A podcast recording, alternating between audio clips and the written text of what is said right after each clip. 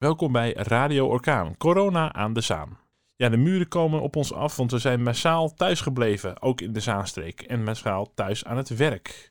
En normaal gesproken, als de muren op je afkomen, dan ga je even naar het theater voor een leuke film of een leuke theatervoorstelling. Maar helaas kan dat nu even niet. Ik vraag me af hoe dat is voor deze culturele instellingen. En daarom ga ik vandaag bellen met Katrien Lamers van De Fabriek, het filmtheater in Zaandam. Dag Katrien. Dag Katrien, ik onderzoek welke impact deze coronacrisis heeft op uh, de culturele instellingen in de Zaanstreek, zoals uh, ook jullie filmtheater. Uh, hoe, wat is de impact van de corona-uitbraak op de fabriek? Nou, die impact die is, die is vrij groot, vrij dramatisch ook. Um, door, de, door de maatregelen die zijn getroffen ter, uh, ter voorkoming van verdere verspreiding van het virus. Die natuurlijk, die maatregelen zijn overigens natuurlijk compleet uh, noodzakelijk ook. Dat realiseren we ons natuurlijk ook. maar door die maatregelen ehm, moesten wij sluiten.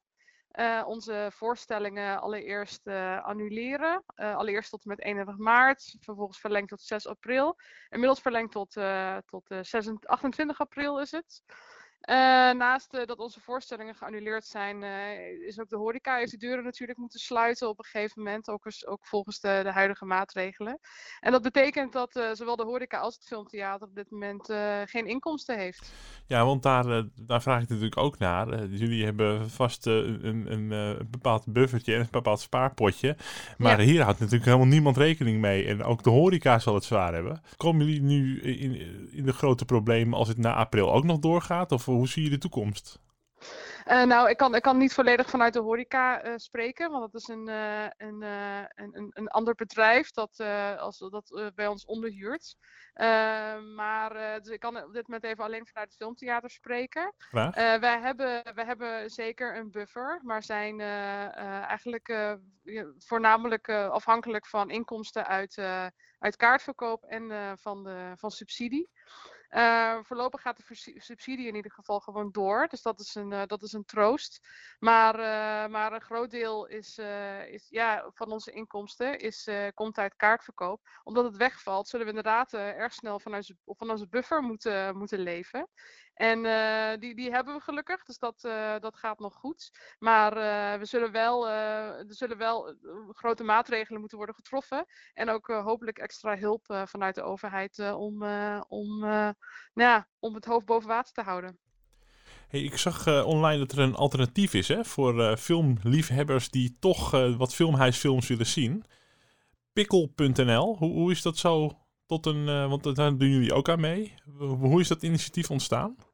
Uh, Pikkel is een, initiatief wat al enkele jaren bestaat. Dus, de, dus opgericht door twee uh, grote filmliefhebbers die ook werkzaam zijn in de filmsector. Uh, die, uh, die op een gegeven moment concludeerden dat, om, dat vanwege hun drukke gezins- en werkleven zij niet altijd meer de tijd hadden om ook fysiek naar de bioscoop te gaan. En dat zij het ontzettend jammer vonden dat ze daardoor ook heel veel films moesten missen. Maar ze hebben het ook opgericht als, om, als een manier om filmpiraterij onder andere tegen te gaan. Door te kijken hoe, hoe zogenaamde windows, zoals wij dat noemen in de, in de filmwereld. Dat is de tijd die er is tussen uh, het leven van een film in de bioscoop en het leven van een film online. Uh, on demand bijvoorbeeld. Uh, dat zo, zoveel mogelijk te verkleinen, zodat het aanbod van film ook nou ja, zo lang mogelijk nou ja, beschikbaar blijft. Zodat mensen niet naar, naar illegale alternatieven online moeten zoeken. En, uh, en ook een manier zodat inkomsten vanuit, uh, vanuit die, die, online, dat on-demand uh, verkoop van films, dat die ook voor een deel naar filmtheaters zouden kunnen gaan. dus dat initiatief bestond al, bestond al langer. Het mooie was, wij hadden ook al contact met Pikkel, of wij niet op een gegeven moment ook aan zouden willen sluiten.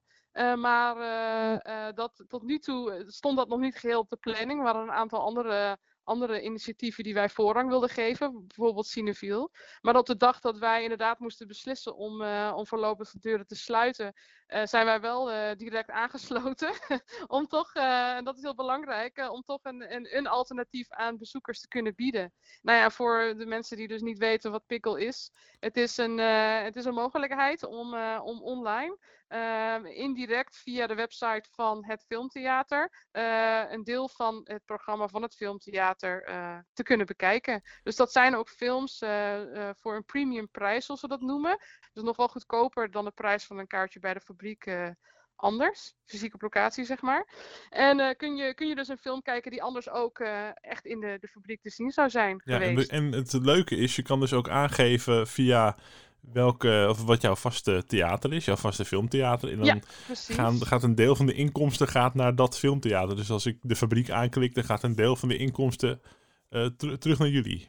Ja, dus je kunt ook zodoende kiezen welk filmtheater je hiermee wil steunen. Ja. Dat, dat is een heel mooi initiatief, want zo kunnen we onze, onze locals nog even supporten, zoals dat dan Ja. heet, hè? Ja. ja. Eh, wat hoor jij even in de, in de filmwereld verder? Want eh, heel veel films die worden ook uit, doorgeschoven. Eh, we horen al de grote titels als de James Bonds die worden doorgeschoven. Maar dat zal ook met heel veel andere eh, films ook zijn. Eh, wat hoor jij van filmdistributeurs? Krijgen wij een bomvol najaar in 2020?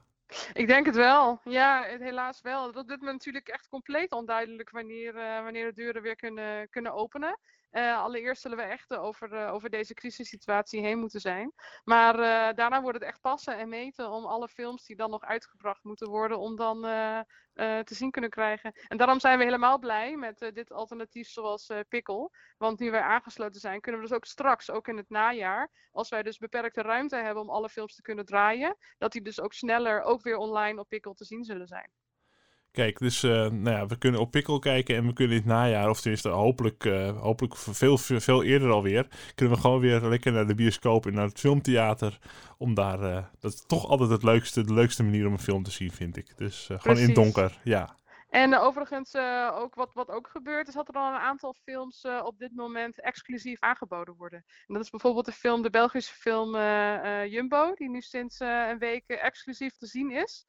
En, eh, maar ook eh, vanaf eh, aankomende donderdag, dat is morgen al, dus wat is het? Nu moet ik even nadenken, 2 april, staat dus de film, de documentaire, Nederlandse documentaire Stop Filming Now, eh, eh, Stop Filming Us, die staat, die staat ook exclusief op Pickle te zien. En dat nog is een van de winnaars overigens van het Movies That Matter Filmfestival.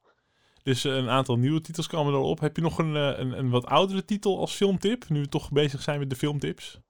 Zeker. Nou, voor sowieso voor alle, voor alle mensen die eh, toch eh, Parasite eh, nou gemist hebben. Die, de, de, de winnaar van de Oscars natuurlijk, de verrassende winnaar van het afgelopen jaar. Die, die staat dus op Pikkel.